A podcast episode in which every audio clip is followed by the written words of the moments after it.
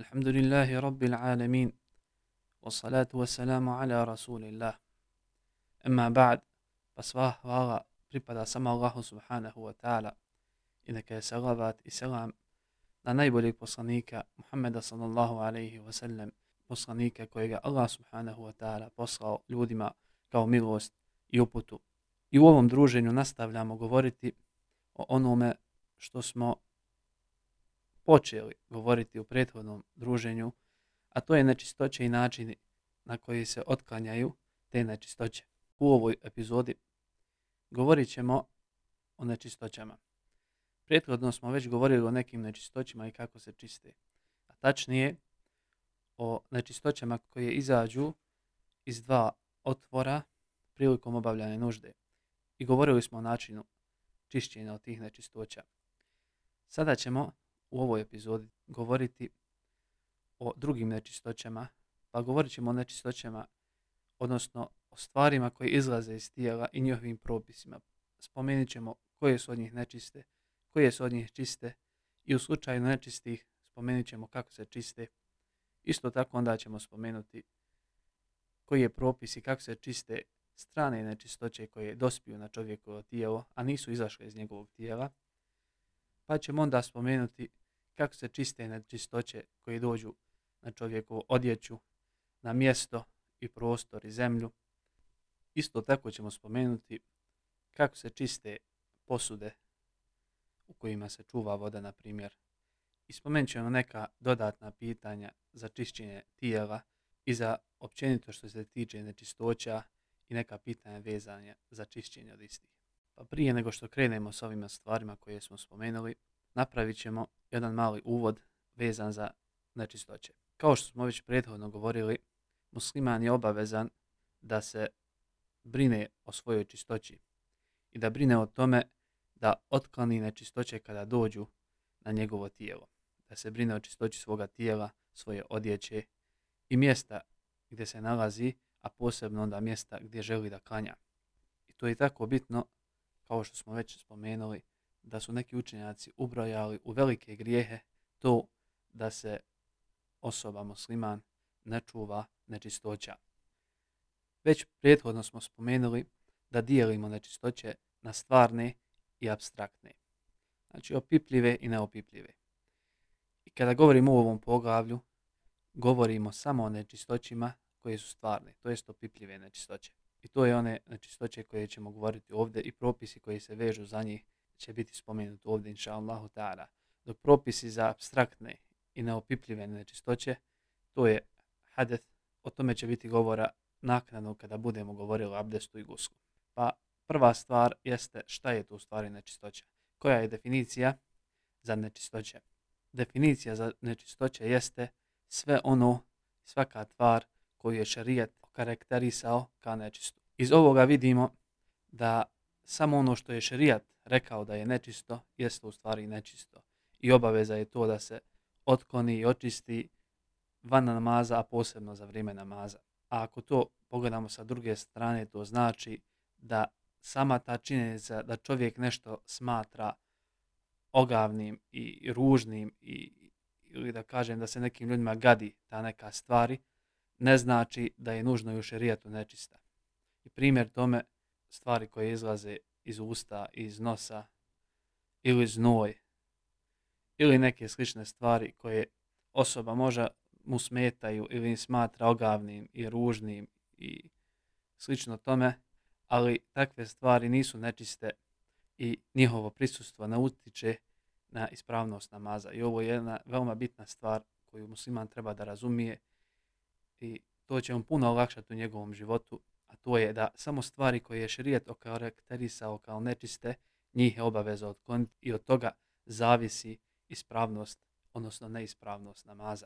Jer je to od uslova, šartova za ispravnost namaza. Pa kada smo spomenuli šta je to, šta su to nečistoće, moramo spomenuti jednu veoma bitnu stvar, a to je da šta je to osnova kod stvari. Osnova kod stvari jeste da su čiste opšti propis za sve stvari koje se nalaze na dunjalku, koje Allah subhanahu wa ta'ala stvorio ljudima, jeste da su čiste. Šta to znači? To znači da nam ne treba dokaz da kažemo da je nešto čisto. Jer je to osnova kod tih stvari. I to u stvari znači da je to osnova. Ne treba nam dokaz da to dokazujemo. Jer to je prvobitni, prvobitno stanje kod svih stvari. Dok nam treba dokaz da kažemo da je nešto nečisto.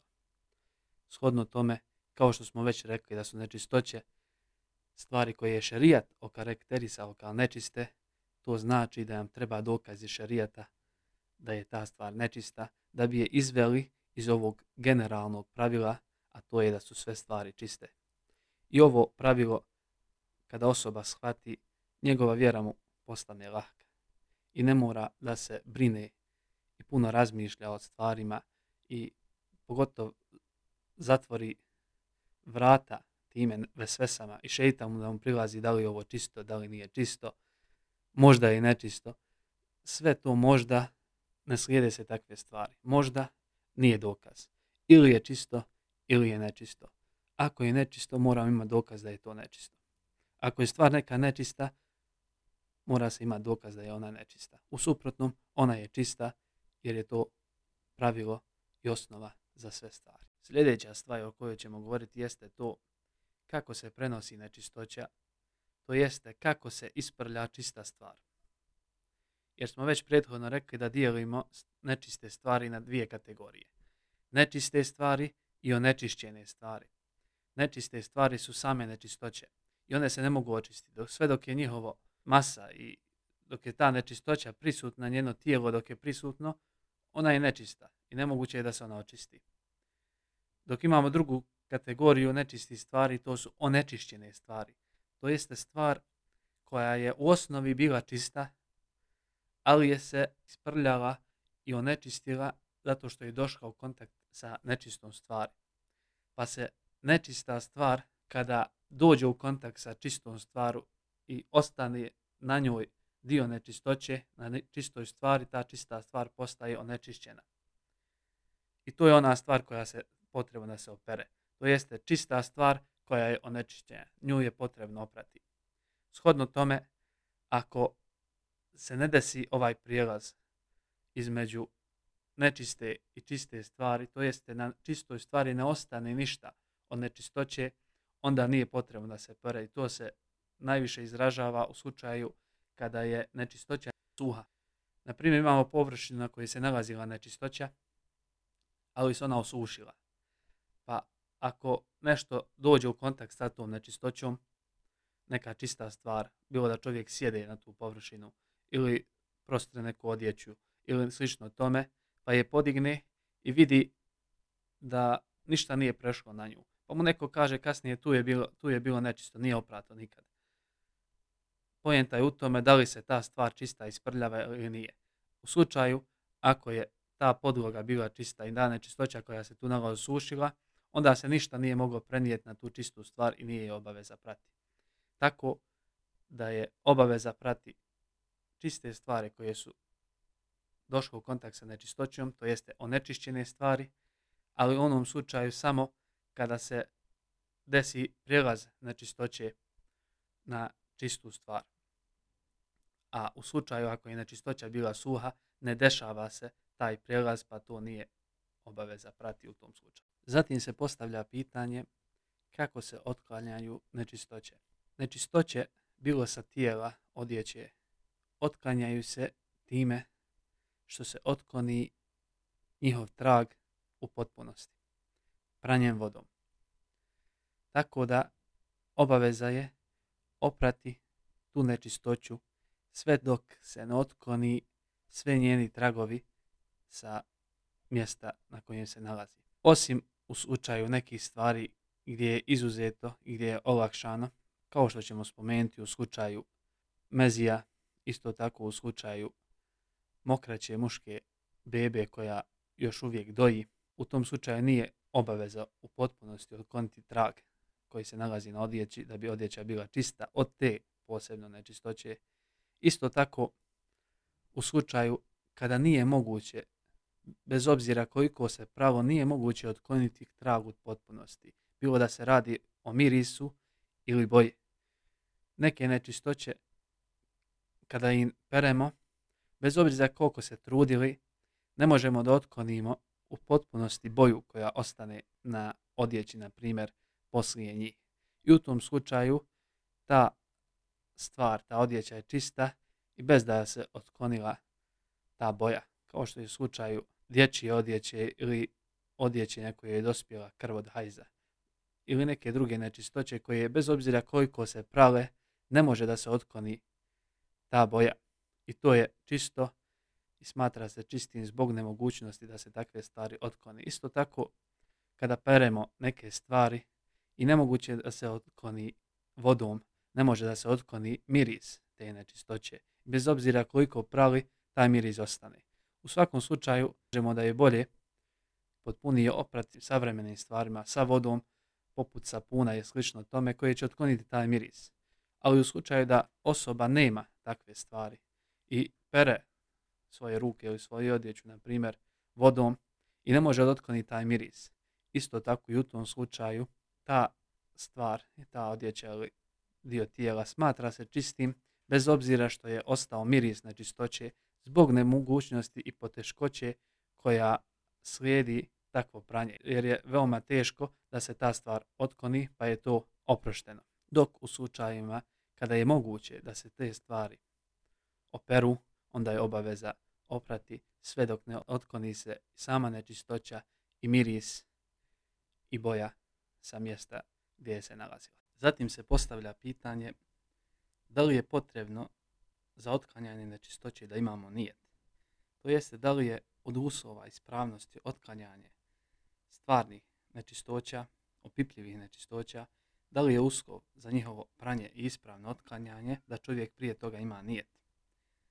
Odgovor na to pitanje jeste da nije od uslova ispravnog pranja i otklanjanja stvarnih nečistoća, nije od uslova da ima osoba nijet. Što znači da je stvar čista ako se očisti bez nijeta.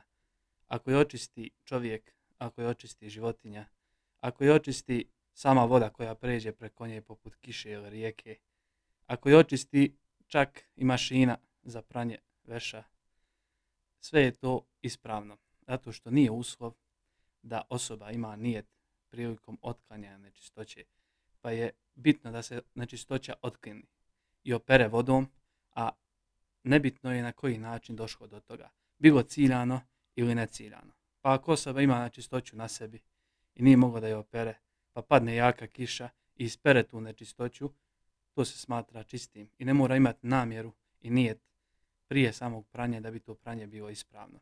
Isto tako ako bi opravo dijete koje ne može imati namjeru, malo dijete, ili da kažemo životinja ako je izdresirana da pre, pere odjeću ili nešto slično, ili da se desi da padne kiša, sve je to ispravno, i čak više i roboti i mašine, kada bi pretpostavljam da peru odjeću ili u našem slušaju imamo i mašine za veš, pranje u njima je ispravno, zato što nije uslov ispravnosti pranja da osoba i uopšte da to bude osoba, a ako se radi o osobi, da ima nijet prilikom pranja.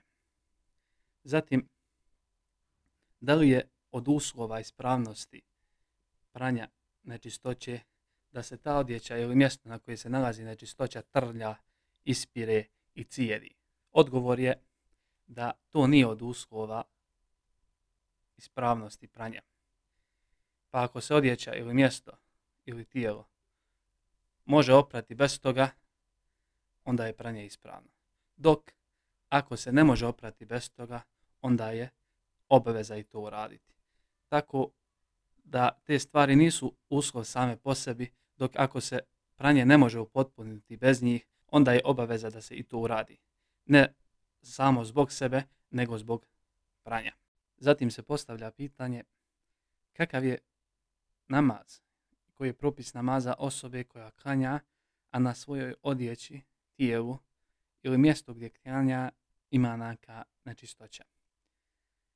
Tu osobu možemo podijeliti na dva stanja. Prvo je osoba koja je klanjala svjesno znajući da se nalazi nečistoća na nekim od ovih stvari i namaz takve osobe je neispravan. Drugo stanje jeste osoba koja nije znala ili je znala pa zaboravila da se na njenoj odjeći nalazi nečistoća, u tom slučaju nije namaz je ispravan. Kao što ukazuju neki hadisi Allahovog poslanika sallallahu alaihi wasallam, da osoba u ovom stanju ima opravdanje i da je njen namaz ispravan. Iako oko ove stvari ima razilaženja oko islamskih učenjaka. I neki učenjaci kažu da je namaz u oba slučaja neispravan. Ali ono što je odabrano u ovim predavanjima je ono što je prvo spomenuto.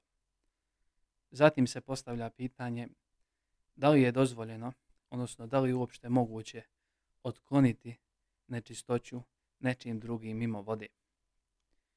Po ovom pitanju većina islamskih učenjaka kaže da nije moguće otkloniti nečistoću sa nekog tijela, sa materijala, sa bilo čega, osim vodom. I po tom mišljenju nečistoća ne može se otkloniti dugim stajanjem, ne može se otkloniti vjetrom, ne može se otkloniti udaranjem, ne može se otkloniti time što se izloži suncu pa nestane. Po većini islamskih učenjaka da bi ono što je onečišćeno isprljano postalo opet čisto, obaveza je da se opere vodom. Iako se ne, pore, iako se ne opere vodom, ono je sve dok se ne opere nečisto. Zadnja stvar koju ćemo spomenuti prije što počnemo govoriti o samim nečistoćama jeste propis osobe koja uzme abdest, a nije se očistila od nečistoća. Ovdje imamo dvije situacije. Prva situacija jeste da je osoba čista od svih nečistoća uzela abdest i ima abdest, zatim na njeno tijelo dođe neka nečistoća, isprda se. Nema razilaženja među islamskim učenjacima da je takav abdest ispravan. I da bi ona mogla klanjati potrebno je samo da otkloni tu nečistoću s mjesta gdje je dospjela. Dok je pravo razilaženje među islamskim učenjacima u ovom pitanju jeste da li je ispravan abdest osobe koja se ne očisti nakon obavljanja nužde i uzme abdest. Da li je takav abdest ispravan? To jest, da li je čišćenje nakon nužde uslov za ispravnost abdesta? I Allah najbolje zna da čišćenje prije abdesta, a nakon nužde, iako je to grije ako osoba to ostavi, ali to nije uslov za ispravnost samog abdesta. Jer u stvarnosti nema razlike između i prve slike, između druge, jer u svakom slučaju uz abdest postajala nečistoća. Pa ako je nije pokvarila u prvom slučaju koji smo spomenuli, neće ga pokvariti ni u drugom slučaju. Dok ako neko kaže kako onda da klanja u takvoj situaciji, zar dozvoljavate da se tako klanja? Ne, rekli smo da je čistoća uslov za ispravnost namaza. I ako bi klanjala u toj situaciji svjesno, takav namaz je pokvaren. Jer je čistoća uslov za namaz, ali ne za abdest. Pa je obaveza spojiti obje čistoće koje su uslov za namaz da bi namaz bio ispravan. Čistoća, kao što smo već spomenuli, čistoća je hadetha i habetha. Stvarne i abstraktne nečistoće, opipljive i neopipljive nečistoće. Dok za sam abdest otklanjanje stvari nečistoće nije uslov ispravnosti abdesta. Pa je dovoljno da ta osoba otkloni o sebe tu nečistoću pod uslovom da ne izgubi abdest pri tome zbog neke druge stvari i da tako obavi namaz. Ali ćemo na kraju spomenuti da ako se ta nečistoća nalazi na nekom od dijelova koji se peru prilikom abdesta, pogotovo ako se nalazi na šakama, takav abdest biva upitan zato što bi neki dijelovi tijela bili oprani nečistom vodom. A uslov da abdest bude ispravan jeste da se abdest uzme čistom vodom, a ne nečistom. Nakon što smo završili sa uvodom, počet ćemo da govorimo o nečistoćama. Pa prvo što ćemo govoriti jeste nečistoće koje izlazi iz čovjekovog tijela. Već je prethodilo da smo govorili o nekim vrstama nečistoća koje izlaze iz čovjekovog tijela, konkretno o nečistoćama koje izlaze iz čovjekovog tijela, a radi se o nečistoćama koje izlaze prilikom obavljanja nužde. I o tome treba se vratiti na prethodna pol. Sada ćemo prvo početi govoriti o drugim nečistoćama koje izlaze iz polnog organa, a ne izlaze prilikom obavljanja nužde. Prva stvar jeste mezi. Mezi je nečist bez razilaženja islamskih učenja. Kao što na to ukazuje hadis Ali radijallahu ta'ala anhu dva sahiha, je Allahu poslanik sallallahu alaihi wa sallam naredio mu da ga opere. Šta je to mezi? Mezi je providna tečnost koja je ljepljiva, koja izlazi iz čovjekovog polnog organa prilikom nadražaja, prilikom seksualnog nadražaja. Pritom čovjek ne osjeća njegov izlazak. To jeste, nema, ne osjeća nikakav užitak prilikom samog izlazka mezija, nego mezi izlazi kao posljedica nadražaja. Propis njegov jeste da se mora oprati, kao što smo rekli, zato što je on nečist. Pa je obaveza da čovjek obere čitav spolni organ. Nije obaveza da opere mošnje, nego je obaveza oprati spolni organ i sve ono na što je dospio mezi od čovjekovog tijela.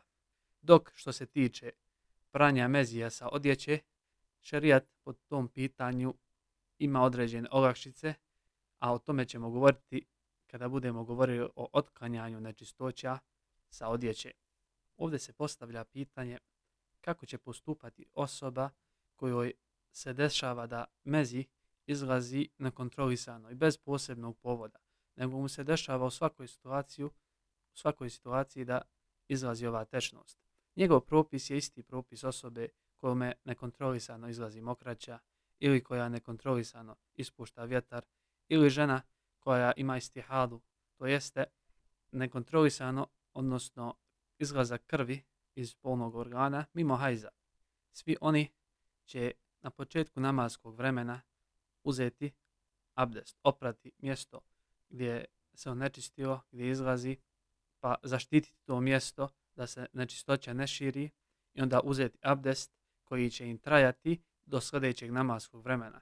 I u tom namaskom vremenu sa tim abdestom mogu raditi sve stvari za koje je potreban abdest.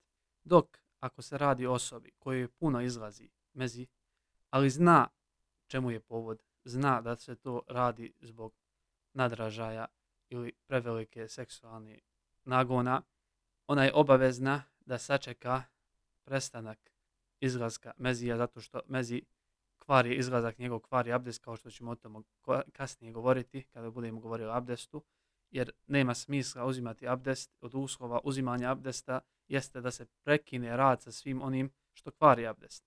Pa shodno tome mora stati izlazak mezija koji kvari abdest da bi bio sam abdest ispravan. Pa takve osobe koje znaju da će doći vrijeme kada će to stati ili znaju da im izlazi mokraća samo u određenom periodu ili kada nešto urade određeno vrijeme ili slično tome, obaveza je da sačekaju kada prestane izgledak mokraće ili mezija i onda da uzmu abdest i da klanjaju. Osim u slučaju čovjeka kojim izlazi, na primjer, mezi. I većinom mezi kada počne izlaziti neće se zaustaviti određeno vrijeme, možda 15 minuta, pola sata, izlazit će i naredno vrijeme. Pa ako će u tom slučaju, ako bi osoba sačekala to vrijeme, doći do situacije da namaz izađe iz njegovog vremena, u toj situaciji će osoba klanjati, uzet će abdest i klanjat će se u situaciji u kojoj se nalazi, da ne bi isteko namasko vrijeme. Ali mimo toga obavezna je da sačeka, da prekine se ono što kvari abdest pa da može uzeti abdest. I svaka osoba treba da se boji Allaha subhanahu wa ta'ala za sebe. Pa ako zna da se ove situacije dešavaju, ne bi trebala da odgađa namaz do njegovog zadnjeg vremena, da se ne bi dovela u ovu situaciju da mora klanjati u tom stanju. Allah subhanahu wa ta'ala najbolje zna. Nakon toga, druga stvar koja izlazi iz polnog organa jeste vedi. Vedi sa v, sa wow na početku, jeste žučkasta, ljepljiva, gusta tečnost koja većinom izlazi nakon obavljanja nužde. Kažu učenjaci da se više javlja kod muškaraca nego kod žena. I ta tečnost ima isti propis kao mokraća, to jest obaveza je oprati i ona je nečista.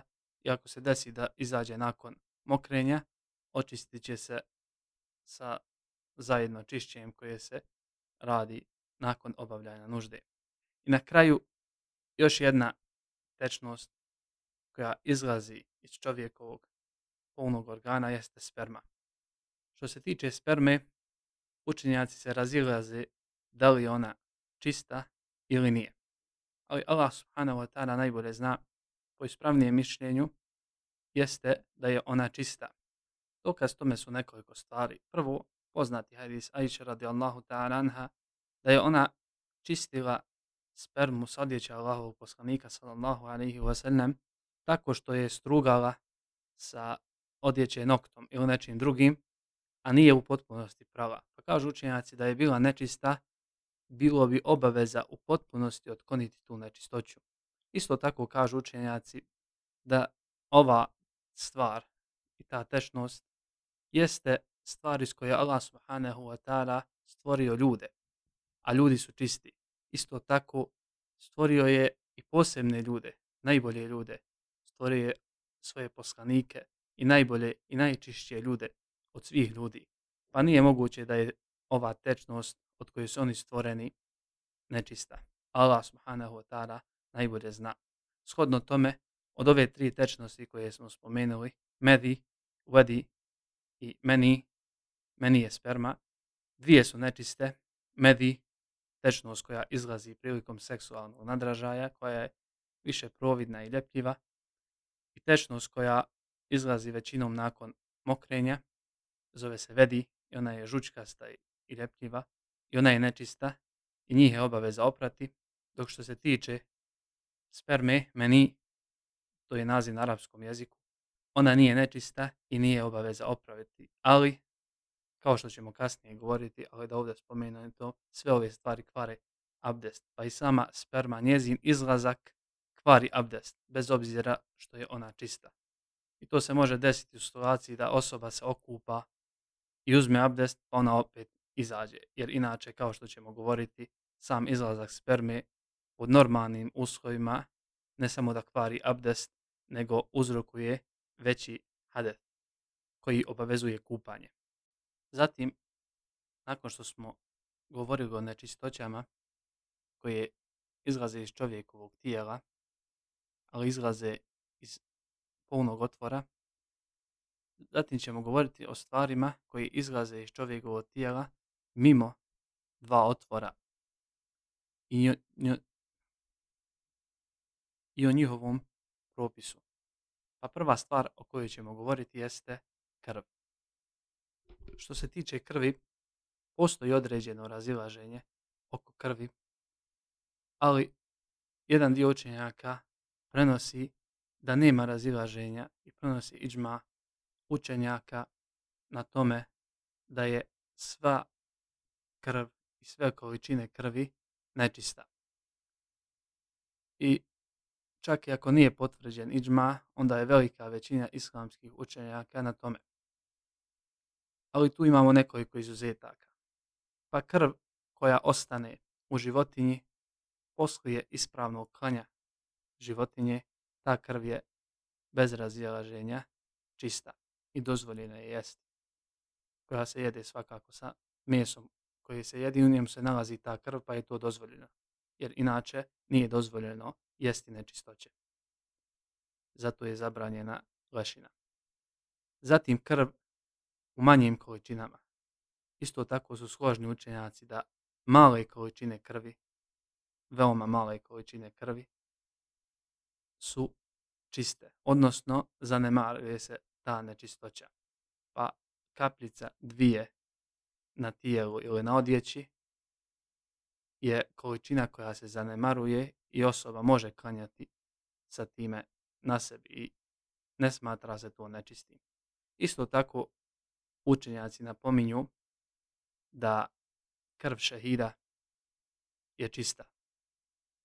Isto tako a o tome ćemo detaljnije ako Bog da govoriti kasnije, krv koja izlazi iz jednog od dva polna otvora je nečista i u velikim i u manjim količinama. a posebno krv hajza, krv nifasa, krv istihade. To je krv i sva, različite tri vrste obojika izlaska krvi iz žene i sve ove stvari su nečiste i u većim i u manjim količinama. Znači, ne prašta se od njih ono što se prašta u drugim, u, u krvi koja izlazi iz drugih mjesta iz čovjekovog tijela. Propis krvi po pitanju čistoće i nečistoće imaju stvari koje se rađaju iz krvi, to jest nastaju iz krvi. Pa stvari poput gnoja i sukrvice imaju i propis krvi po pitanju čistoće i nečistoće i po pitanju toga da li se praštaju veće ili manje količine. Pa shodno mišljenju koje smo rekli da je mišljenje velike veličine islamskih učenjaka da je krv nečista, onda kažemo da i ono što se izrodi iz krvi isto tako nečisto, pa je znoj i sukrvica isto tako nečista, ali se praštaju manje količine toga. Zatim, nakon što smo govorili o krvi, isto tako imamo jednu stvar koja izlazi iz čovjekovog tijela, a to je ono što čovjek povrati. Pa da li je ono što čovjek povrati čisto ili nečisto? Kao što smo već spomenuli na početku predavanja, nečistoća je samo ono što je šerijat ocijenio kao nečisto. Pa da ocijenimo nešto kao nečisto, moramo imati dokaz da je to u šerijatu nečisto. A što se tiče ono što čovjek povrati, ne nalazimo u šerijatu direktan i validan dokaz da je ono što čovjek povrati nečisto. Shodno tome, to je čisto, a kao što ćemo i govoriti kasnije, ne kvari abdest. Nakon toga imamo još neke stvari koje izlaze iz čovjekovog tijela, a koje, oko kojih nema nekog posebnog razilaženja i oko većine postoji iđma da su one čiste. A možemo napomenuti što se tiče povraćanja, jedan dio učenjaka kaže da je to nečisto. Dok ove sljedeće stvari koje ćemo spomenuti, dobar dio njih učenjaci ne razilaze da je to u stvari čisto. Pa stvari poput znoja, suza, krmeljova u očima, iz učevina, iz usta i nosa, nečistoće iz ušiju, mlijeka kod žene, nokti čovjekovi, kosa, dlake na ostalim dijelovima tijela, sve ove stvari su čiste i njihovo prisustvo ne utječe na ispravnost namaza. Svakako, ono što je Allah subhanahu wa ta'ala naredio i uputio vjernike da urade, jeste da se urede i ukrase kada hoće da obavljaju namaz. Pa i od potpunosti obavljanja namaza jeste da čovjek ukloni ove stvari sa sebe i da se lijepo pripremi i da uljepša svoj izgled za stajanje pred Allahom subhanahu wa ta'ala. Ali kada govorimo o tome da li je namaz ispravan ili nije, da li su ovo nečistoće koje, čije prisustvo kvari namaz, onda kažemo da to nisu nečistoće ove stvari koje smo nabrali, koje izlaze iz čovjekovog tijela ili se nalaze na njemu kao dlaka i noktiju, one su čiste i njihovo prisustvo ne utječe na ispravnost namaza. I na kraju, sve ove stvari koje smo spomenuli, čovjek će oprati onako kao što smo rekli, opraće vodom na način koji smo spomenuli na početku predavanja. Isto tako stvari koje dođu svan tijela, jer sve ove stvari koje smo spominjali sada dolaze iz čovjekovog tijela, a isto tako stvari koje dolaze, koje su strane, nečistoće koje dođu na čovjekovo tijelo pa ga isprljaju u njegovo odjeće u mjesto gdje klanja, on je obavezan da im opere i otkoni kao što pere i otklanja ove stvari. I onda slijedi da pojasnimo i navedemo neke od tih stranih nečistoća koje mogu doći u kontakt sa čovjekom.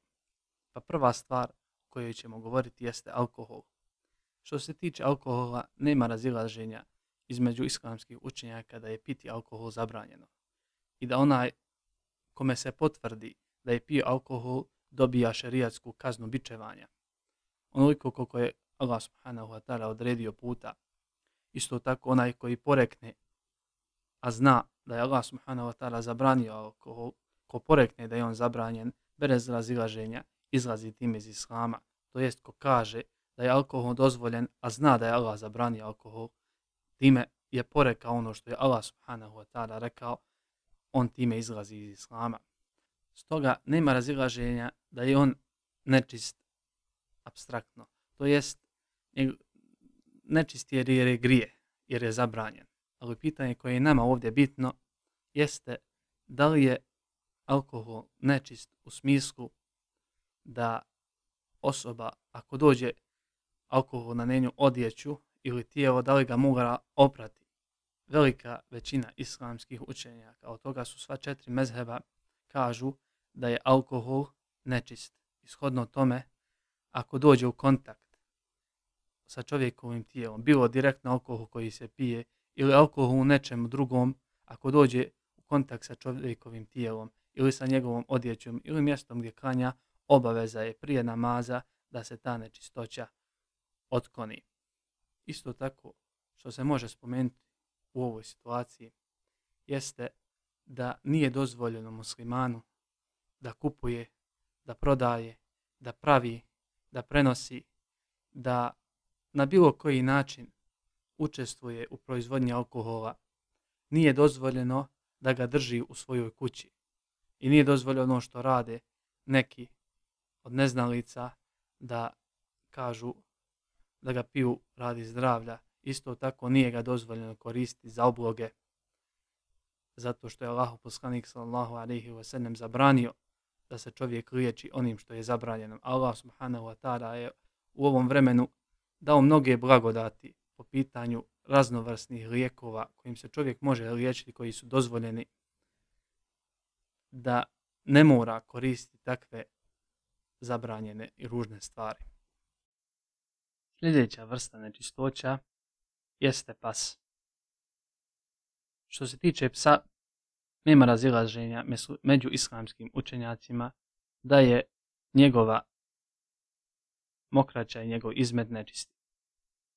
Isto tako, većina islamskih učenjaka kažu što se tiče njegove pljuvačke i njegove unutrine da je nečista.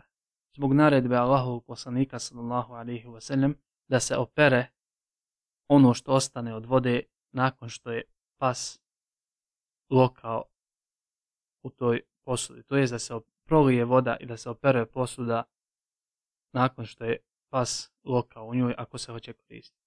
Pa učenjaci iz ovoga izvlače da je ta stvar nečista zato što je Allah poslanik sallallahu alaihi wasallam naredio da se ona opere. Što se tiče njegove vanštinje, njegove drake, isto tako većina učenjaka kaže da je i to nečisto. Shodno tome, čitav pas, sve ono što izlazi iz njega i njegova draka su nečisti. Ovdje imamo jednu stvar, a to je kako se čisti nečistoća od psa. Što se tiče svih oblika nečistoće koja se nalaze mimo posuda koje se želi koristiti, onda se peru kao i sve ostale nečistoće. Peru se vodom. Dok posuda koje su isprljane pljuvačkom psa, peru se na poseban način koji ćemo govoriti kasnije. Dok posuda koje su isprljane nečim drugim mimo pljuvačke, one se peru kao i sve druge nečistoće. Znači da posebno pranje veže se samo na posude koje su isprljane samo pljuvačkom psa. I kasnije ćemo govoriti kako se u stvari peru takve posude u narednom druženju, inša Allah. Ono što se isto tako može spomenuti ovdje jeste propis držanje psa.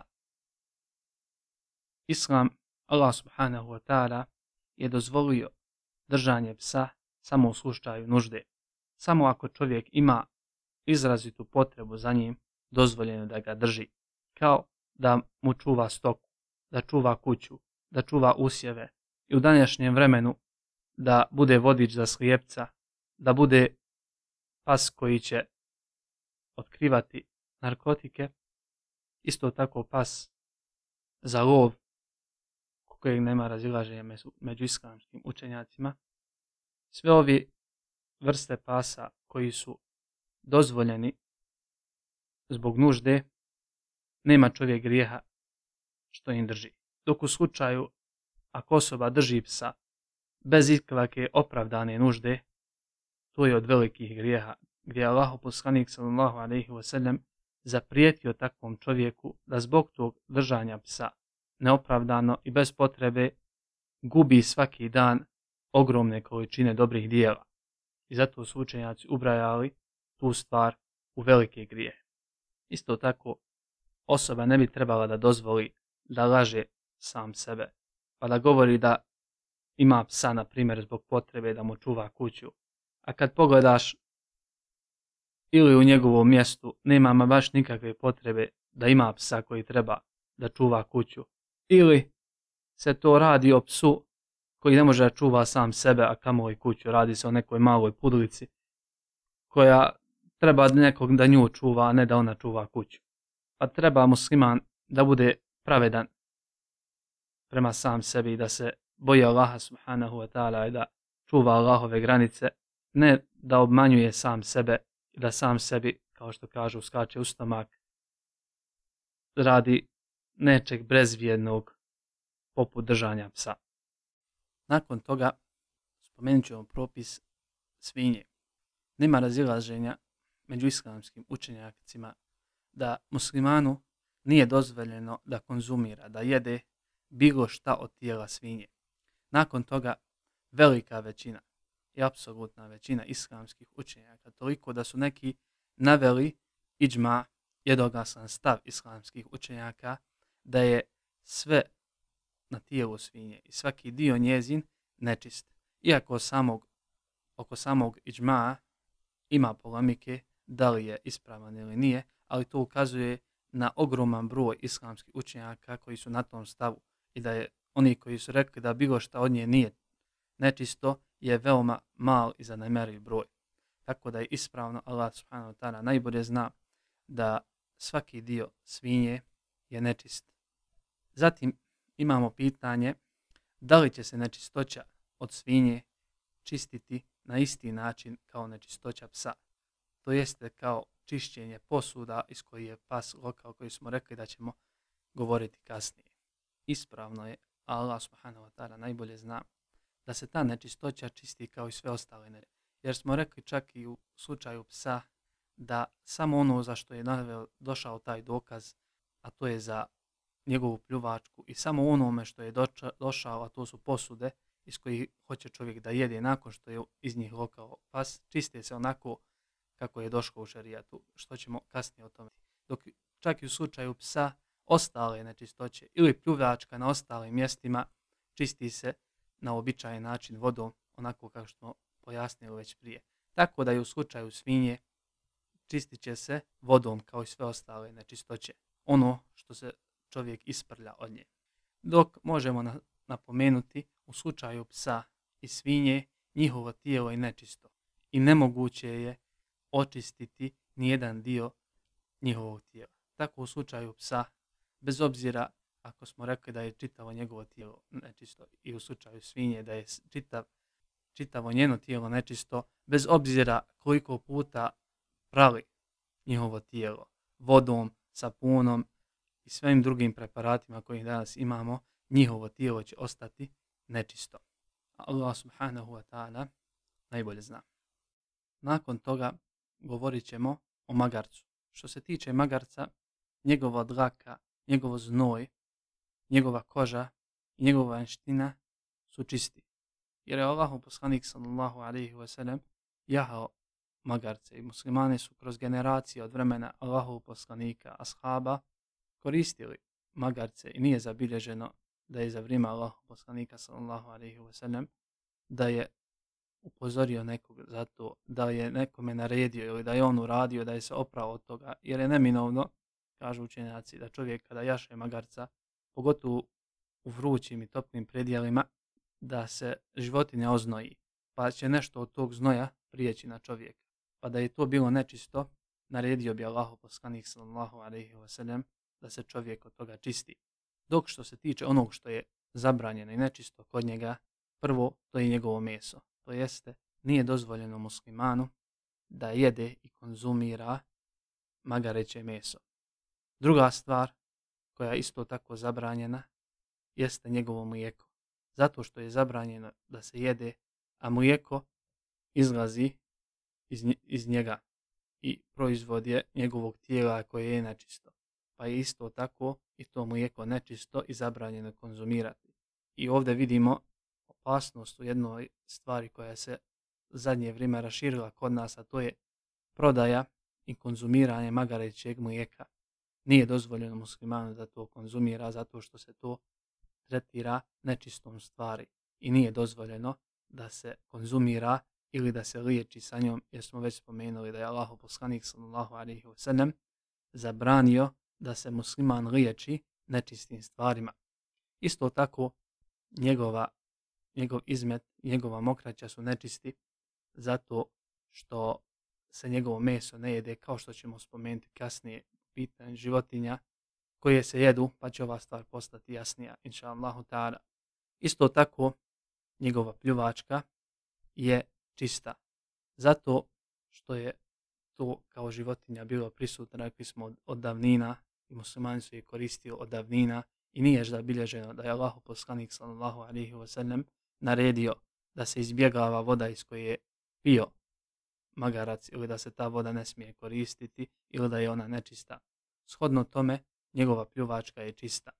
Isto tako, to se može krijasiti, vršiti analogija na mačku, pošto je i njezina pljuvačka čista, kod onih koji kažu da je razlog dozvoljavanja, odnosno razlog zbog čega je šerijat rekao da je ona čista i da je njezina pljuvačka čista, to poteškoća izbjegavanja te životinje.